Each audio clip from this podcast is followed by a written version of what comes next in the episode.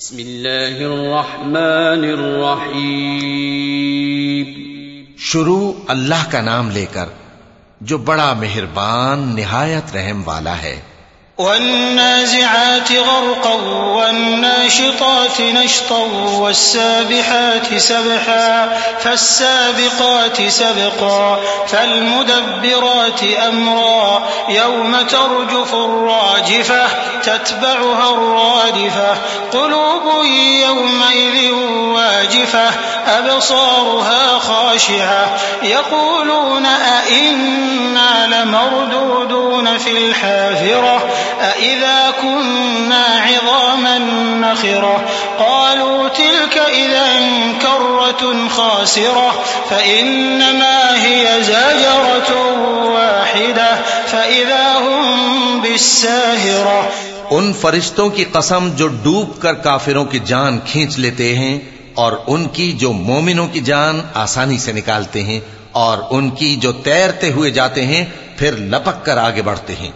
پھر دنیا کے کاموں کا انتظام کرتے ہیں کہ وہ دن آ کر رہے گا، جس دن وہ زلزلہ آئے گا، پھر اس کے پیچھے اور زلزلہ آئے گا۔ اس دن لوگوں کے دل خوف زدہ ہوں گے اور آنکھیں جھکی ہوئی۔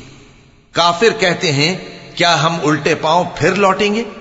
بھلا جب ہم کھوکھلی ہڈیاں ہو جائیں گے تو پھر زندہ کیے جائیں گے۔ کہتے ہیں کہ یہ لوٹنا تو سراسر نقصان کا لوٹنا ہوگا۔ تو بس وہ ایک ڈانٹ ہوگی۔ اس وقت وہ سب میدان حشر میں آ جمع ہوں گے هل أتاك حديث موسى؟ إذ ناداه ربه بالواد المقدس طوى اذهب إلى فرعون إنه طغى فقل هل لك إلى أن تزكى وأهديك إلى ربك فتخشى فأراه الآية الكبرى فكذب وعصى ثم أدبر يسعى فحشر فنادى فقال أنا ربكم الأعلى فأخذه الله نكال الآخرة والأولى إن في ذلك لعبرة لمن يخشى بھلا تم کو موسا کی حکایت پہنچی ہے؟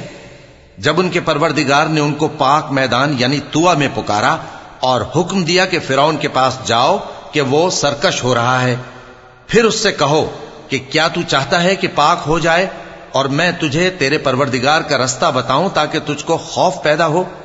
غرض انہوں نے اس کو بہت بڑی نشانی دکھائی، مگر اس نے جھٹلایا اور نہ مانا۔ پھر لوٹ گیا اور تدبیریں کرنے لگا۔ سو اس نے لوگوں کو اکٹھا کیا، پھر بلند آواز سے بولا، سو کہنے لگا کہ تمہارا سب سے بڑا مالک میں ہوں۔ تو اللہ نے اس کو دنیا اور آخرت دونوں کے عذاب میں پکڑ لیا۔ جو شخص اللہ سے ڈر رکھتا ہے اس کے لیے اس قصے میں عبرت ہے أأنتم أشد خلقا أم السماء بناها رفع سمكها فسواها وأغطش ليلها وأخرج ضحاها والأرض بعد ذلك دحاها أخرج منها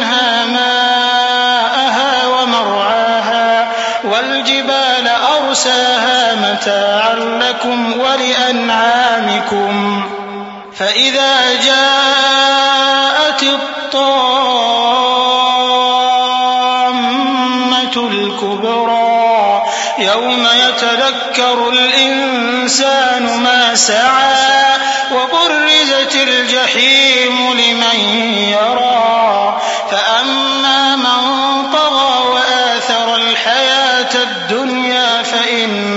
فإن الجحيم هي المأوى بھلا تمہارا بنانا مشکل ہے یا آسمان کا؟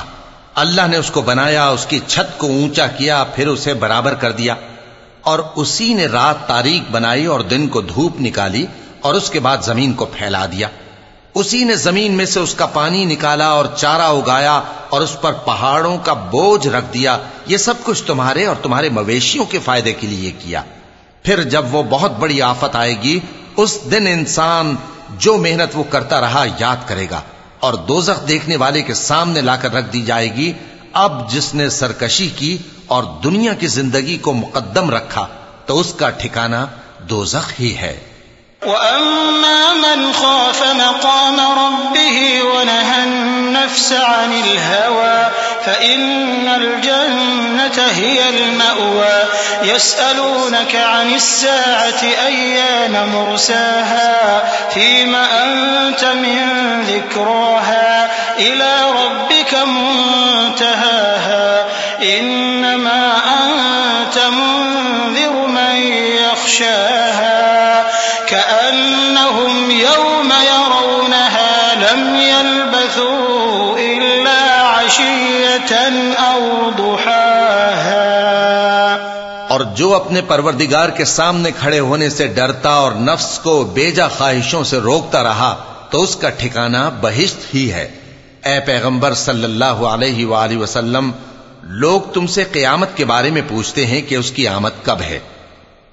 سو تم اس کے ذکر کی طرف سے کس فکر میں ہو؟ اس کا منتہا یعنی واقع ہونے کا وقت تمہارے پروردگار ہی کو معلوم ہے۔ جو شخص اس سے ڈر رکھتا ہے، تم تو اسی کو ڈر سنانے والے ہو۔ جب وہ اس کو دیکھیں گے تو ایسا خیال کریں گے کہ گویا دنیا میں صرف ایک شام یا ایک صبح رہے تھے۔